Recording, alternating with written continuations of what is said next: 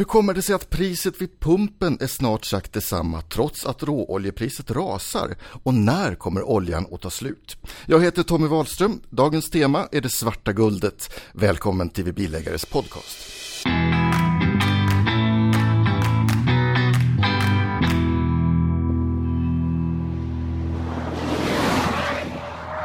Välkommen Ulf Svan. Tack. VD för Svenska Petroleum och Biodrivmedelsinstitutet SPBI. Just det. Ni kunde inte hitta på något kortare och lättare namn så? Ja, det är ett beskrivande namn och eftersom biodrivmedel är det nya benet vi står på allt tyngre, eh, glädjande nog, så, så blev det långt. Berätta om, om SPBI. Det är en branschorganisation för ursprungligen då eh, petroleum bolagen i Sverige. Men i, i, takt med utvecklingen nu så har även biodrivmedel kommit in i bilden. Så att det är en branschorganisation för, om vi tittar på drivmedelssidan då för, för eh, de stora eh, drivmedelsbolagen men även ny, eh, nya eh, medlemmar som till exempel eh, Lantmännen som ju har etanolen exempelvis på den svenska marknaden. Och vad gör du på jobbet? Ja, bland annat så sitter jag i, i radio eh, och pratar ibland. Det är väldigt mycket journalistkontakter. Men det är väldigt mycket också med eh, att serva myndigheter, politiker med information eh, i deras beslutsfattande, i deras arbete.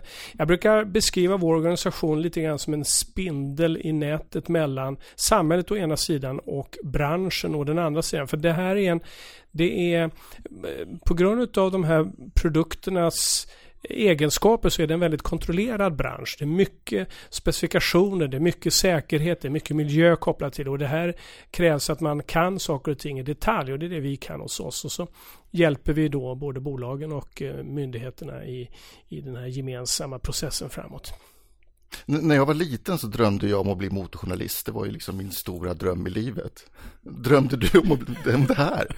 Lekte du med tankbilar? Nej, det gjorde jag verkligen inte. Jag kom in på det här eh, spåret av en slump faktiskt. Eh, när jag, när jag hade ett, ett, eh, en lucka mellan två kurser på universitetet så kom jag in och fick en, en anställning på dåvarande Svenska SOAB. Så där började min karriär 1978. Eh, Idag så kostar oljan 36,62 dollar per fat. Okej. Okay. Eh, och för två år sedan vid den här tiden så kostade oljan över 100 dollar per fat. Mm. Och för åtta år sedan var priset nära 120 dollar per fat. Mm. Vad beror det här utvecklingen på? Ja, man, om vi tittar på råoljepriset då så är ju det en, en, ett pris som sätts på en, man kan säga en, en marknad som hela tiden prissätter. Ungefär som en alltid pågående aktion. Eh, och den, den påverkas ju då naturligtvis av tillgång och efterfrågan. Det är, ju, det är den basala eh, situationen. Och eh, när vi då hade den här för åtta år sedan, den här våldsamma uppgången, då hade vi en väldigt snäv marknad. Alltså det var ganska litet utrymme för fluktuation upp och ner i, i tillgången och då blev marknaden väldigt nervös för att det skulle bli brist på olja. Och så steg eh, priserna väldigt kraftigt som en konsekvens av det så blir det då en ekonomisk recession, eller delvis en konsekvens av det. Det fanns andra skäl också, men det blir lite en ekonomisk recession. Och då sjunker efterfrågan tillbaka. Samtidigt då som man möter eh, stora investeringar som gjordes när priset var väldigt högt. Och så blir det ytterligare en påspädning neråt så att säga. Så det blir väldigt överutbud av olja på marknaden. Det här försökte då OPEC-länderna motverka genom att bestämma sig för att ha kvoter, produktionskvoter och försökte behålla priset på ungefär 100 dollar per, per fat, vilket de tyckte var en rimlig nivå både för tillverkare och konsumenter. Och det höll de eh, ut för i tre år kan man väl säga. Eh, ska se så blev det rätt 11, 12, 13 hade vi ungefär samma eh, råoljepris i genomsnitt och sen när 14 kom då höll inte det längre för då började USAs produktion av så kallad skifferolja vilket egentligen bara är en ny produktionsteknik på, på olja. Eh, den började bli så hög så att det påverkade tillgången i världen och därmed så brast den här möjligheten att hålla kvar priset på en artificiell, alltså en konstlat hög nivå och så började raset neråt. Så där har vi lite grann utav, eh, utav ingredienserna. Det är en cykl, typiskt cyklisk marknad med försök från OPEC då att kontrollera priset och i i, i, det basala är att en typisk tillgång och efterfrågemarknad. Är det bra att priset varierar så här på oljan? Um, jag vet Egentligen är det nog inte det för, planerings, eh, för planeringen utav, utav kapaciteter och så vidare i världen. Så vore det nog bättre med ett, ett mer eh, stabilt pris. Men nu lever man i den här världen så, så då får man förhålla sig till det. Det är också en konsekvens av just det här att man försöker artificiellt eh, hålla uppe priset när, man, när det egentligen inte borde hållas uppe utan då sjunker det tillbaka. Då får man, förstärker man de här cykliska effekterna då, så förstärker de här stora hoppen upp och ner. Mm. Eh, Priset har alltså minskat väldigt kraftigt, råoljepriset, mm. men priset vid pumpen har ju inte minskat lika mycket. Nej, det har ju inte det. Och eh, det grundläggande skälet till det, det är skatten eh, på den färdiga produkten. Så låt oss ta och titta på pumppriset. Eh, då består det av tre delar. Det är en skattedel, det är en produktdel. Alltså det, det priset man betalar för att köpa in till exempel då bensin på världsmarknaden. Och den tredje delen det är den bruttomarginal som bolagen på marknaden behöver för att betala sina kostnader och så småningom också generera vinst. För genererar man inte vinst i slutändan då kommer man till slut att få lägga ned verksamheten och det är ingen som är betjänt av. Ehm, och skatten är den, är den största delen av priset vid pumpen. Så priset vid pumpen idag består till 68% av skatt. Eh, och sen eh, är produktpriset på världsmarknaden är, eh, lite drygt 2 kronor idag. Och eh, den bruttomarginal som eh, bolagen har den är ungefär 1 krona och 40 öre har legat ganska konstant de sista åren. Det går lite upp och ner för det går ju aldrig att hålla en, en konstant marginal. Så ser det ut ungefär. Så om nu oljepriset vänder uppåt igen då? Mm, då blir ju samma effekt. Alltså om oljepriset då, eh, om, om, om råoljepriset stiger, så vi säger med en krona, så får du naturligtvis på sikt ett genomslag även i bensinpriset på ungefär en krona. Vi kan återkomma till det där med, för det är egentligen olika marknader, men det blir ungefär en krona på sikt. Och eh, då lägger man momsen ovanpå det som är 25 procent, så det blir det en krona och 25 öre. Så att om, om råoljepriset skulle stiga med en krona. Då kan man förvänta sig att bensinpriset stiger med en krona och 25 öre givet att inget annat händer. Så det här låga råoljepriset har liksom inte påverkat ekonomin för svenska bilister jo, speciellt mycket? Oh, eller? Oh, jo. Jag räknade ut här eh, och skrev i min blogg, eh, jag har för mig att det var 25 miljarder eller någonting sånt där som oljenotan har minskat med. Men det är den storleksordningen i alla fall.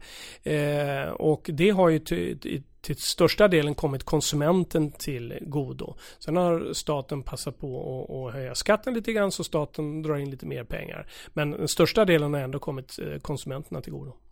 Hur, hur, påverkar det världsekonomin när man får ett sånt här lågt oljepris? Eh, det påverkar åt två håll naturligtvis. Det är ganska givet då att den som producerar olja och säljer på världsmarknaden får in mindre pengar, mindre dollar som då eh, är negativt för det landet naturligtvis. Men sen finns det då länder som är beroende av att importera olja och Sverige är ett av de länderna. Eh, och, och Sverige tjänar då på att oljepriset sjunker. Sen finns det då andra effekter som man inte kan bortse ifrån och det är att de här länderna då som producerar olja de är ju importländer av produktionskapacitet eh, och utrustning och allt vad det kan vara, service och så vidare. Eh, och det då får då en negativ effekt tillbaka så att du var inne på att den här, de här kraftiga eh, prisförändringarna upp och ner inte är av godo. Och det här, här ser vi väl en av de här effekterna. Om vi jämför Norge då och Sverige så är Norge då ett produktionsland och är, drabbas då negativt. Och det kan vi se. Norska kronan faller, arbetslösheten ökar, investeringen i oljesektorn minskar. Eh, Sverige då får, får, får motsvarande en fördel i ekonomin. Men Sverige exporterar väldigt mycket till Norge, en väldigt stor exportmarknad. Eh, och det är då negativt för Sverige. Och det är bolag som Atlas Copco, Sandvik och så vidare som är ABB som, som drabbas då negativt. Så att det finns både vinnare och förlorare. Eh, det är ganska komplext. Mm. De svenska oljebolagen, hur påverkas de av ett lågt oljepris? Eh, de, eftersom Sverige inte har någon egen produktion. Utan bara, eh, och nu tänker jag av råolja, så mm. vi utvinner inte råolja. Utan vi har bara produktion av eh, de, de färdiga produkterna, bensin och diesel som vi har i våra raffinaderier. Och så sen säljer vi då produkterna på den svenska marknaden. Så påverkas inte Sverige speciellt mycket. Eh, det, kan, det kan bli väldigt kraftiga upp och nedgångar i resultatet men det är vad vi eh, brukar kalla för funny money. Alltså det handlar ju om de stora inneliggande lagren som antingen ökar eller minskar värde på grund av lagervärderingsprinciperna. Men det har inte med den operativa verksamheten att göra. Det kan vara nog så besvärande men det har egentligen inte med den operativa verksamheten att göra. Så att de svenska bolagen påverkas egentligen inte speciellt mycket Eh, utan de eh, surfar på den, eh, det pris som finns på världsmarknaden, tar ut det på den svenska marknaden och sen förhoppningsvis så gör de vinst och kan leva vidare. Varför handlas olja i dollar? Ja, det är helt enkelt historik. Man började handla i dollar och eh, man fortsätter att handla i dollar. Det finns ju faktiskt eh, vissa som vill få över en annan valuta också. Iran vill ju handla i euro. Men de har inte lyckats med det. Utan dollar är den, den världsomspännande valutan som väldigt mycket handlas i. Och i vissa länder så är ju dollarn den, den valuta som används eh, även lokalt. Även om det inte Även om det faktiskt finns en egen nationell valuta. Men vad händer då när, när dollarkursen också varierar samtidigt som bränslepriset, ja, oljepriset går upp det, och ner? Det är en väldigt viktig parameter. Alltså man måste hålla reda på då, för att, för att förstå det här, det här priset på pumpen, då måste man hålla reda på råoljepriset, världsmarknadspriset på bensin och så måste man hålla reda på dollarn. Därför att om dollarn då, vilket den har gjort de senaste åren, stiger i förhållande till svenska kronor, ja då motverkar ju valutaförändringen effekten av oljeprisnedgången.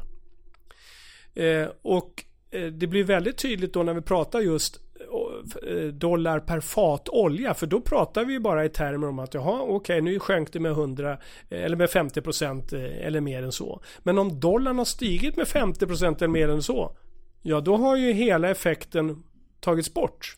Så man måste hela tiden ha med dollarn i huvudet när man ska försöka analysera vad som händer på marknaden. Så tre saker behöver man ha i huvudet. Råoljepriset i dollar per fat. Eh, världsmarknadspriset på produkten i ton per dollar per ton brukar det vara. Och sen måste man hålla ordning på, eh, på dollarpriset i kronor. Jag var på bilmässa här i Genève förra mm. veckan och eh, pratade med några biltillverkare där som sa att ja, jo, modellerna ni ser här nu, de började vi jobba med för 6-8 år sedan mm, när råoljepriset var tre gånger så högt som det är idag. Mm. Um, och därför finns det väldigt mycket hybrider, kanske mm. elektrifiering av olika mm. slag och så för att sänka förbrukningen så mycket som möjligt. Vad händer nu då, när priset är så lågt?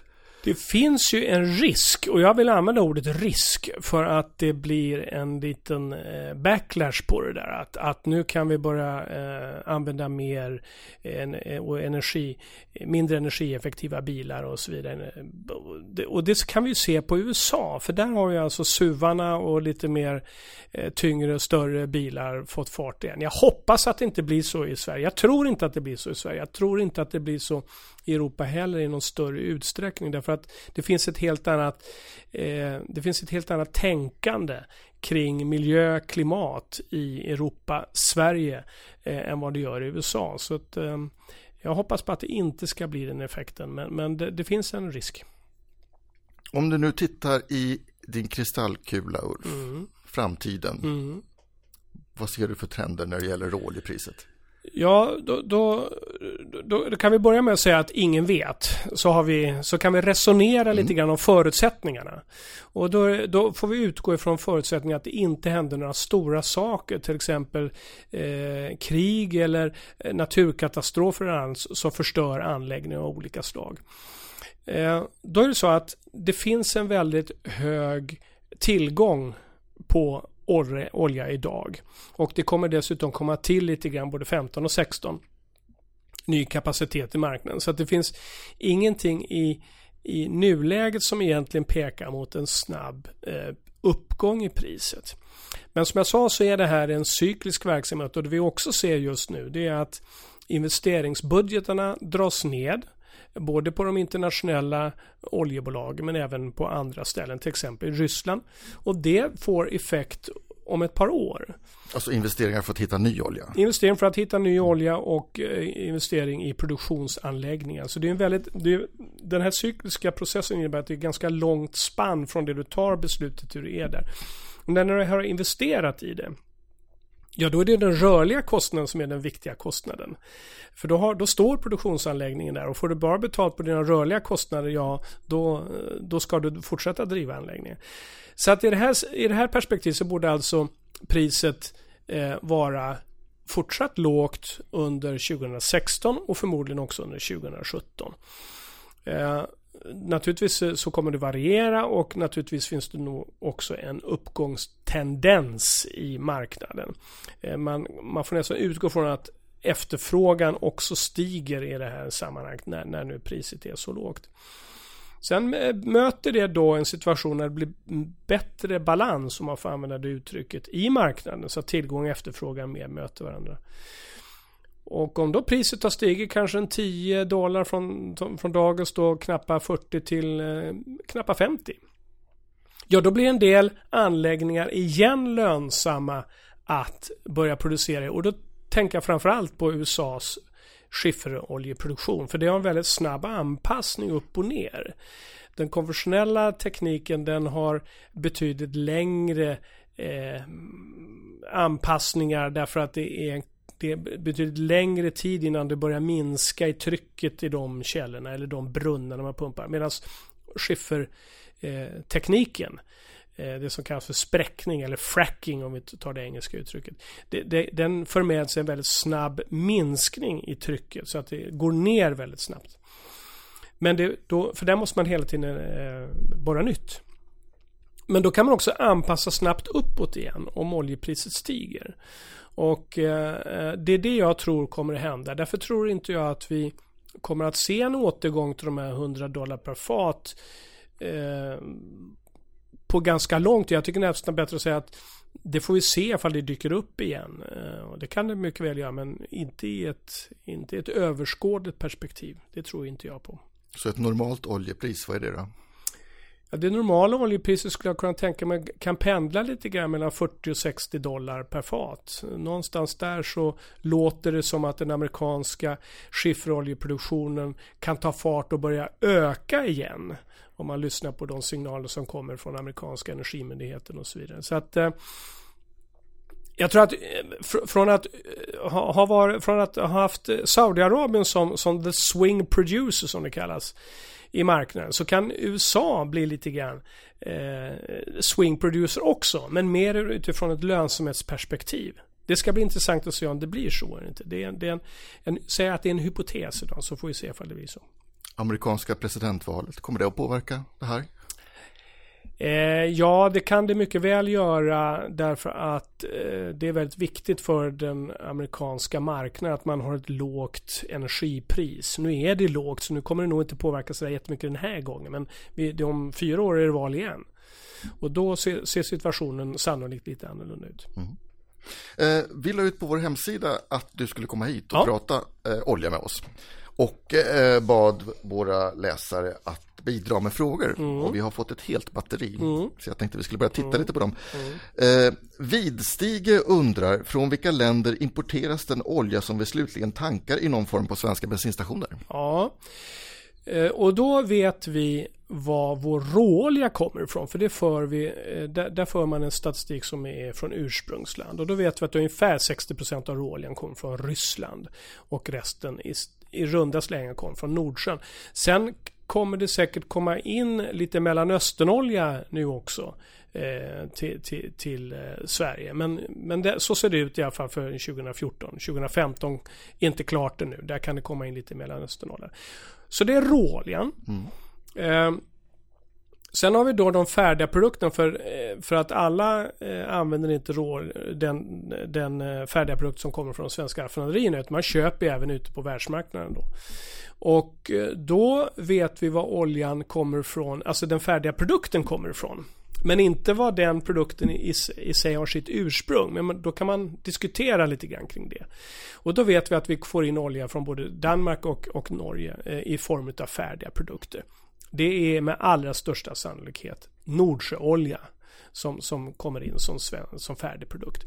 Men vi vet också att det kommer in en produkt ifrån Finland. Så även om det står Finland som, eh, som exportland eh, så vet vi att den produkten kommer från Ryssland. Så att igen så möter vi då Ryssland och ehm, och Nordsjön. Och därifrån kommer huvuddelen av den olja som, som eh, vi alltså, som molekylerna så att säga kommer mm. därifrån. Det kan komma även från andra eh, håll då, framförallt då Mellanöstern. Widstig är lite orolig för detta. Han säger att om mycket kommer från Ryssland finns det någon strategi för att minska importen därifrån och därmed minska beroendet av rysk olja. Mm.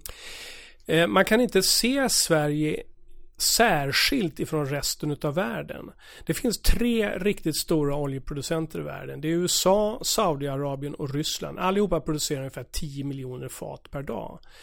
Eh, det är 30 miljoner sammantaget och totalt sett så produceras det ungefär 95-96 miljoner fat per dag. Så vi hör att det där är ungefär en tredjedel. Och reservkapaciteten som finns i världen som framförallt ligger hos eh, Saudiarabien och några utav grannländerna där nere. Den är ungefär 2,5 miljoner fat per dag uthålligt. Och eftersom Ryssland då exporterar en storleksordning 7 miljoner fat per dag. Då ser vi att världen klarar sig inte utan rysk olja. Då får världen helt plötsligt brist på olja. Och då kommer eh, priset naturligtvis gå upp. Så att det går inte att plocka ut eh, Sverige ur, ur det, det, globala perspektivet. Det är klart att, att man kan bestämma sig för av något skäl eh, att, att eh, Sverige inte ska köpa någon rysk olja. Men ryska olja måste i sådana fall då finna någon annan avnämare. I annat fall så blir det inte balans. Och vi kan se nu när Europa eh, och USA stängde för den iranska oljan så gick ju den iranska oljeexporten inte ner till noll. Eh, den iranska exporten då låg kanske på en 2-3, alltså 2-2,5 miljon fat per dag. Någonstans där. Så det var ju mycket, mycket mindre än vad den ryska är. Ändå gick det inte att ta bort allting utan det fanns kanske kvar en, en storleksordning en, eh, en miljon fat per dag eller något mindre. Som, som rullade vidare ut på marknaden eh, till, till, till, länder som inte ställde upp på den här bojkotten eller som inte fullt ut kunde leva upp till den här bojkotten. Så att det är väldigt svårt att att plocka ut. Europa köpte inte in någonting från Iran. Men då stuvar man om i världsmarknaden och så går det någon annanstans. Så att Sverige kan på pappret göra sig oberoende av rysk olja genom ett politiskt beslut eller vad sjutton som helst. Konsumentbeslut. Eh, men Sverige är ändå beroende av att den ryska oljan finner en marknad för att eh, det inte ska bli fullständig kaos på, på eh, världsmarknaden på olja. Andreas 99 undrar när kommer ursprungsmärkning på bensin och diesel? Eh, och det är inte helt lätt då att eh, hantera ursprungsmärkning på bensin och diesel. Eh, som jag sagt så, så, vet vi väldigt väl var råoljan kommer ifrån och vi kan härleda var eh, de färdiga produkterna kommer ifrån.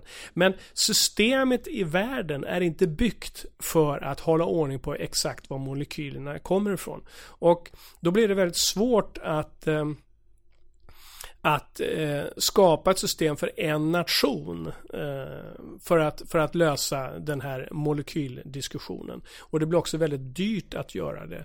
Eh, utan ska det här göras så ska man göra det på en större nivå i sådana fall. Pågår det någon sån diskussion? Nej, egentligen inte därför att det här intresset är inte så stort i, i, utanför för Sverige. Det, det är ju, vi har mycket bättre koll på, och det är lite paradoxalt kan man ju tycka, att vi har mycket bättre koll, koll då på våra biodrivmedel, var de kommer ifrån, vilket ursprung de har och så vidare. Men det, det är någonting vi har byggt upp nytt. Så då blir det enklare. Och dessutom är det mycket viktigare för de ska ju de facto utföra arbetet att minska klimatpåverkan. Så att där kan man tycka att det är då betydligt viktigare. Den här frågan om, om denna frågan är, är viktig då måste den lösas på en, en större nivå än nationell nivå. Man måste komma ihåg att även om jag då kan säga att det är härifrån produkterna kommer, sannolikt, så sannolikt och sant två skilda saker. Och ska man kunna garantera en sak, ja då måste man ha reda på att även ingående komponenter som man kan behöva för att, för att blanda ihop till den färdiga produkten eh, bensin och färdiga produkten diesel på marknaden, att de har ett, ett ursprung som man kan följa. Och då blir det väldigt, väldigt svårt. Mm. Eh, Johan 2008 mm. undrar vad anser ni om peak oil som en del menar att vi just nu är mitt uppe i? Eh, peak oil då kanske ska tala om vad det är. Alltså det är den tidpunkt vid vilken man inte längre kan öka oljeproduktionen på grund utav att det helt enkelt inte finns tillräckligt mycket olja kvar. Det är en uttömbar resurs och man når så att säga en peak. Därifrån går det inte att öka längre utan då måste den alltså falla. Och om vi då utgår från den, den absoluta definitionen så är det klart att en, en uttömbar resurs kan ju teoretiskt nå den här, den här piken. Eh, så, så, att det är inget fel i själva resonemanget. Men det har ju visat sig gång på gång på gång på gång att det är väldigt svårt att uppskatta om vi överhuvudtaget är i närheten av den och när vi i, i sådana fall ska vara där. Om man nu ser det här kopplat till någonting annat, nämligen pengar också. Och eh, ekonomer gör gärna det. Eh, så, så visar det sig att med mer pengar in i systemet så har nya tekniker kunnat komma fram. Den här nya spräckningstekniken, frackingtekniken, den har alltså frigjort resurser som man visste fanns där men man inte hade teknik att, att frigöra det med tidigare. Men när priset blev väldigt högt, ja då blir det här plötsligt väldigt lönsamt att börja titta på nya tekniker. När väl sen den nya tekniken är där, ja då börjar man förbilliga den nya tekniken och idag har man kommit ner ganska långt i kostnadsnivån när det gäller den här fracking. Och så kommer det att hålla på. Eh, i, i, I eh, teorin kan vi därmed ha en peak oil någonstans. I praktiken så är jag väldigt tveksam till om vi kommer att ha en peak oil utifrån den definitionen. Vi kan mycket väl få en peak i, i användningen utav eh, råolja framöver. Vi borde till och med få det därför att vi har en klimatproblematik. Men jag tror att det är den som kommer att sätta eh, den bortre gränsen, inte den faktiska tillgången på olja i marken.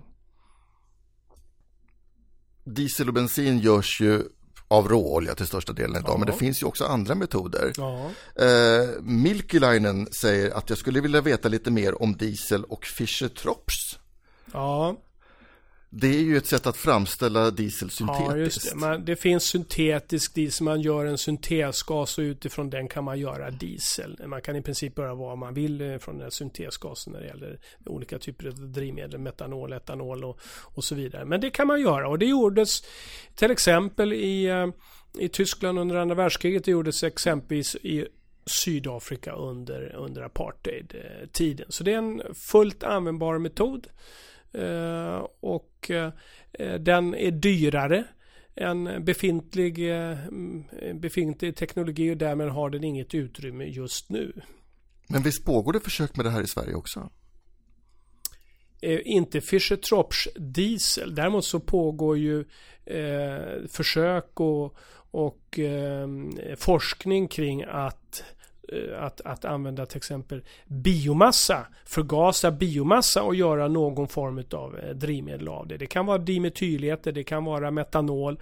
Eh, jag tror inte idag att det är någon som ägnar sig åt att göra om det till bensin eller diesel. Men det kan, det, det kan mycket väl vara så. Jag, jag, kan inte vad alla forskar kring. Men kostnaden för det här är fortfarande alltså den för dyrt? För den att... är för hög ja. i förhållande till det. Mm. BGL undrar också om det här med diesel. Han säger, mm. vilket bränsle ska man använda till dieseldrivna motorer som används vissa säsonger eller bara kort tid varje gång? Till exempel fritidsbåtar, sommartid, traktorer och annat. Ja, nu börjar det bli teknik här och det är ju inte riktigt mitt vassaste ämne men, men jag skulle vilja säga så här att om man har diesel i vad vi brukar kalla stationära eh, motorer eller stationära eh, energikällor av någon form. Då ska man försöka undvika fame och definitivt på, på, på sjön ska man försöka undvika fame i den. Därför att den har lägre, den har kortare hållbarhetstid så att säga och den är känsligare för vatten. Man ska alltid vara försiktig med vatten överhuvudtaget. Kondensvatten är ju, är ju någonting som eh, en del glömmer bort i sådana här anläggningar som står ute och kan vara kalla och varma och solen skiner på dem och så vidare.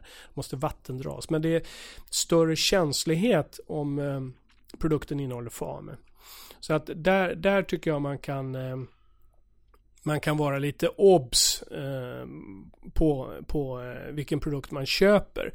Men när man har en anläggning som man inte använder speciellt ofta men har, eh, men man har sin diesel stående så ska man se till att den tank man har dieseln i är vattenfri. Man ska vattendra den där med jämna mellanrum. Mm. Eh, farbror Blå undrar om E85. Varför har priset på E85 stigit? E85-priset eh, är en konsekvens av två eh, ingående eh, faktorer eller delar. Det är ju etanolen och så är det eh, bensinen. Etanolpriset har inte sjunkit nu när bensinpriset har sjunkit utan det ligger still och till och med har ökat lite grann under det senaste året. Eh, så det är en del av förklaringen. Men den andra delen av förklaringen är att Sverige har har ett, ett undantagsbeslut ifrån EU och får ge skattebefrielse, eller har tidigare fått ge skattebefrielse, ända ner till skattebefrielse. Det, egentligen är det nedsättning vi ger. Vi har rätt att ge nedsättning på skatten enligt de statsstödsregler som, som gäller. Jag går inte in i detalj på det för det blir så himla mycket eh, småtterier. Men eh, Två gånger per år så gör Energimyndigheten en bedömning om Sverige riskerar att bryta mot de statsstödsreglerna. Och vid den senaste bedömningen så var det risk för det. Och det blev en, en skattehöjning på såväl FAME som har varit sedan tidigare och även etanol lite grann sedan tidigare. Men skattehöjningen blev ganska tydlig för E85 och idag har vi över en krona i skatt på E85.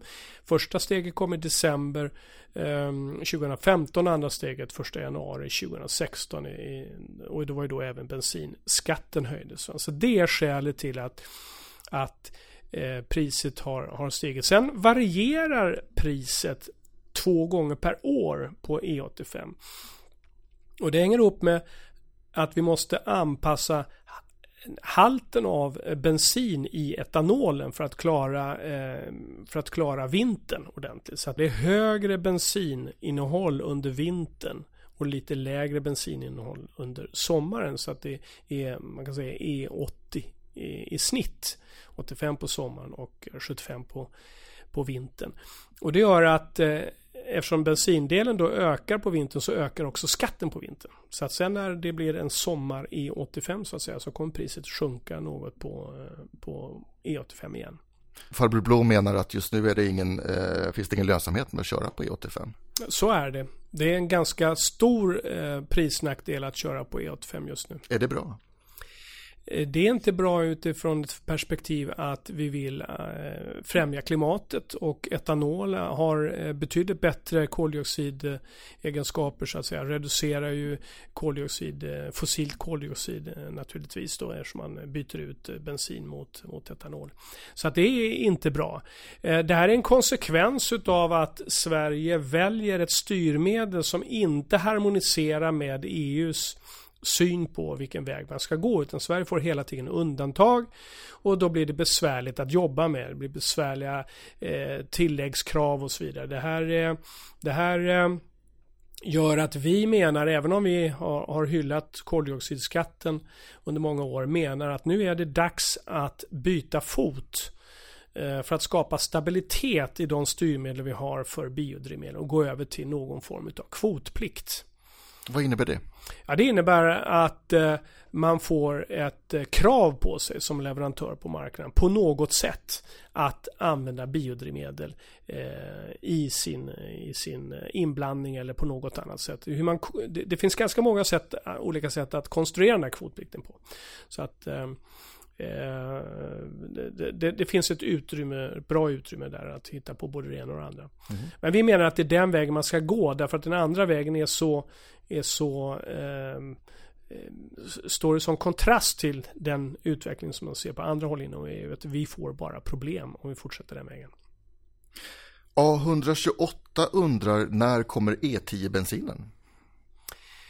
Eh, då är vi igen inne på de här EU-reglerna igen. För det finns, det finns vissa EU-regler som, som, som eh, motverkar det här. Så det, det, finns olika skäl som motverkar det. Men om vi börjar med EU då. Så, så är synen på biodrivmedel ganska ganska negativ skulle jag vilja säga inom EU-kommissionen och EU-systemet och inte minst inom den europeiska miljörörelsen. Eh, där man menar att eh, vi ska inte ha några biodrivmedel eller vi ska vara väldigt försiktiga med biodrivmedel. Det gäller för övrigt även biobränsle.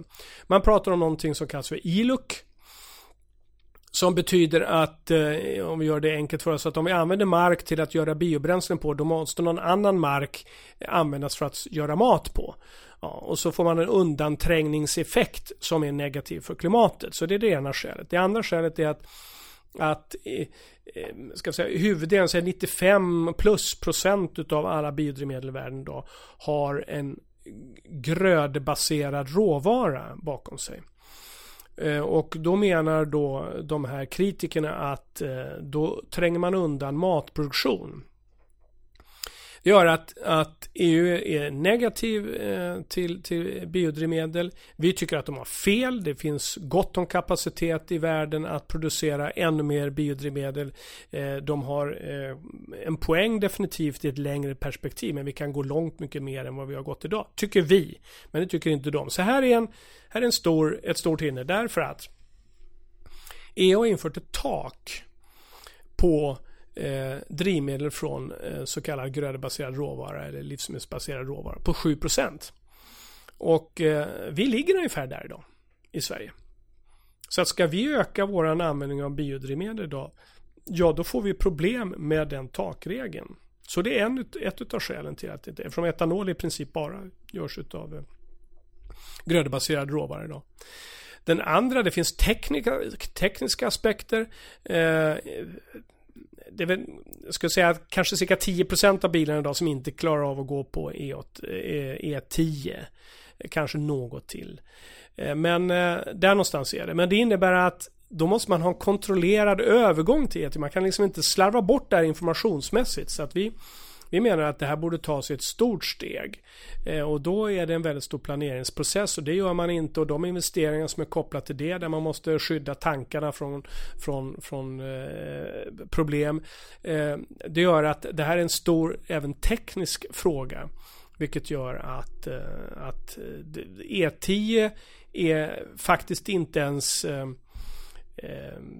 jag, ska säga, det, jag ska inte säga att det är otroligt, men det, men det, det ligger inte ens i plan just nu. Det, först måste det här, tycker jag, med EUs syn på, på eh, biodrivmedel eh, ändras för att man ska kunna gå vidare där vid dag. Är det inte så att det finns ett riksdagsbeslut på E10? Nej, det gör det inte. Det finns, eh, det, det finns en möjlighet i lagen att blanda in E10. Och vi från bransch har tidigare varit väldigt starka förespråkare men det var innan vi såg den problematik som vi befinner oss just nu så att vi har ingenting emot, tvärtom. Vi skulle gärna vilja se mer etanol i bensinen för att kunna minska klimatpåverkan ifrån, ifrån transportsektorn. Men just nu är hindren så stora att de måste undanröjas eh, först. Eh, det är så att den svenska bensinspecifikationen eh, som man då eh, som vi, som vi då ska möta för att biltillverkaren och drivmedelstillverkaren ska kunna vara överens och säga men så här, det här är bra. Då har man en specifikation. Den, eh, den tillåter 5% inblandning av etanol. Men inte 10. Så att då, då, det blir en helt ny produkt på den svenska marknaden när E10 kommer in. Och eh, då måste alltså det passa med, med bilarna och så vidare. Så det är, en, det är en stor apparat att gå från 5 till, att gå, att gå från 0 till 5, det är ingen apparat alls. Men att gå från 5 till 10 är en stor apparat. Det låter på dig som vi kan glömma det här med E10. Nej, jag tycker inte vi ska glömma det här med E10. Men eh, för det är, det är ett bra sätt att minska klimatutsläppen från bensinsidan. För vi kommer att ha bensinmotorer även framöver. Alltså det går inte bara att producera diesel i ett raffinaderi. Det kommer även komma ut bensin. Och alla alla körcykler, körmönster passar inte för dieselbilarna som gärna vill ha lite längre sträckor och, och inte stå still så mycket medan bensinen då klarar bättre av det där. Så att eh, vi kommer att ha bensin framöver och då är, det, då, då är det viktigt att kunna minska klimatpåverkan även från, från bensinsidan. Så att vi ska inte glömma det. Men vi har en del bekymmer vi måste ta hand om längs vägen. Om vi tittar längre fram nu då, med när vi kör våra bilar på elektricitet och vätgas, mm. vad, vad händer med er då? Ja, jag brukar skoja och säga att i, i det perspektivet då finns inte vi. Så att eh, då får vi hitta på något nytt att göra. Men vi, det är en bra bit bort. Uh, vi, vi um, om vi frågar då fordonsindustrin hur ser det ut framöver med, med el eh, och hybridbilarna, hur mycket kommer det så, så är det långsammare tillväxttakt där än vad man, vad man kan få uppfattning av när man, man lyssnar på de som, som verkligen framhåller elens eh, framtid. Jag är helt övertygad om att elen kommer att spela en stor roll framöver. Eh, och sen är det frågan om vi får den där väldigt snabba tillväxten där det väl lossnar. Ketchup-effekten eller vad vi ska kalla det för någonting. Som, är, som vi har sett på flera andra eh, håll. Till exempel vindkraften, solenergin. Eh, om vi får den på el eller om vi inte får den på el. Det är längre eh, cykler vi pratar om. Det är större, eh, tyngre eh, ändringar som ska till. Det gäller inte bara hos oss. Det gäller ju framförallt inom fordonsindustrin. Så att eh, jag, jag, eh, det är tveklöst att det kommer. Och, eh, och det behövs därför att vi kan inte föra över alla, alla petroleumdrivmedel till biodrivmedel i ett globalt perspektiv. Det går inte. Men, men när det där svänger, det, det vet jag inte. I ett europeiskt perspektiv så tror man ju att vi fortfarande kommer använda en, en stor del eh, petroleumbaserade drivmedel 2040-2050. Mm. I, idag ändå då, så, så de snabbladdare som finns är uppsatta mm. av Vattenfall och mm. Fortum mm. och mm. man öppnar en vätgasmack nu vid Arlanda. Mm. Det är Agagas som står ja. för den. Borde inte Statoil och Q8 också sätta upp sådana här grejer på sina mackar? Eh, är, inte det, är inte det framtiden? Det, det, ska man naturligtvis fråga dem. Om de tycker att det är framtiden, om de tycker att det är värt att satsa på det. Jag vet ju att eh, ett antal elladdningsstationer finns redan ute på ute på eh, de, de, vanliga bensinstationerna så att säga. Och det finns planer på sådant. Men om, om vätgasplanen finns eller inte, det måste de svara på själva. Vätgas är ju är väldigt speciellt. Det är ju några som satsar på det. Toyota vet jag satsar väldigt mycket på det. Och jag, om jag har förstått det hela rätt så är en del tyska eh, biltillverkare också inne på det. Fordonstillverkare också inne på det. Eh, men den är ju eh, ifrågasatt lite grann från annat håll då, där man tycker att det är en omväg att gå. För att om man ska producera vätgas på ett koldioxidneutralt sätt, då måste man producera det via, eh, via en, en splittning, en uppdelning av vatten i vätgas och syrgas. Och det gör man ju då med el, och det behövs massor med el, så det måste finnas ett stort elöverskott. Men det är en bra princip, alltså man använder till exempel vindkraft och solkraft som, som, som, som det kan bli väldigt stora överskott utav, och så gör man vätgas utav det. Då är det positivt och bra. Men ska du göra vätgas utav naturgas, ja men då helt plötsligt så blir koldioxid en biprodukt när du delar, eh, när du delar då eh, metangasen, naturgasen då och så, så får du koldioxid och vätgas. Och då är det ju inte koldioxidneutralt. Va? Så att eh, tillverkningssättet utav vätgasen är viktig för att den ska ha en positiv påverkan på, på, på klimatet. Mm. Vi låter HT19 få sista frågan. Eh, HT19 undrar Kommer oljepriset gå upp till de historiska priserna igen? Jag ligger 99% minus på mina oljecertifikat. ja, eh, det är en verklig 10 000 kronors fråga. Eh, alltså det går inte att uttala sig om det igen. Eh, egentligen.